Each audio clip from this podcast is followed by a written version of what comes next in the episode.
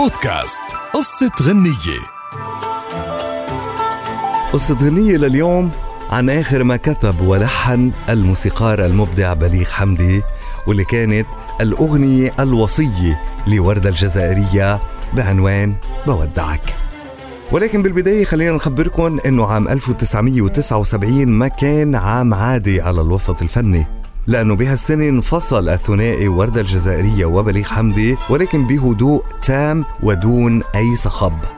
هالشي اللي أثار دهشة كتير كبيرة داخل الوسط الفني.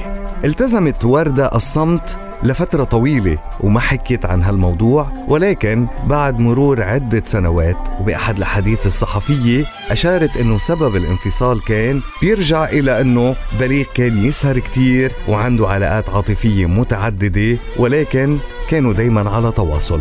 وكمان ما بننسى قضية انتحار الفنانة المغربية سميرة مليان وقت اللي رمت بنفسها من شرفة منزل بليغ حمدي بظروف غامضة ولكن برئ بليغ بعد كم سنة من هذه الحادثة.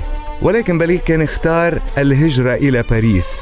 مع أنه تنقل بين عديد من الدول الأوروبية لمدة خمس سنوات وسكن بكثير من العواصم العربية لا سيما بدمشق لفترات طويلة. ولكن بالخمس سنوات الأخيرة بدأت صحة بليغ حمدي بالتدهور. وبعد استقراره بباريس قرر كتابة أغنية بودعك بعد ما فقد الأمل بالعودة لوردة وهي إنها ترجع له أو تقبل إنها ترجع له. وكمان وكان ثبت براءته بقضية الفتاة المنتحرة ولكن وضع بليغ الصحي كان تدهور بدرجة كبيرة. بودعك كانت آخر أغنية كتبها ولحنها وقال للمقربين منه إنه مناه إن تكون وردة هي اللي رح تغني هالأغنية لأن المقصودة بكل كلمة فيها. وبعد وفاته نفذت وردة وصية بليغ وغنتها بحفل أول ذكرى لرحيل بليغ بصوت مليان غصة وعيون مليان دموع مع كل كلمة بودعك. بودعك. بودعك. وبودع الدنيا معك.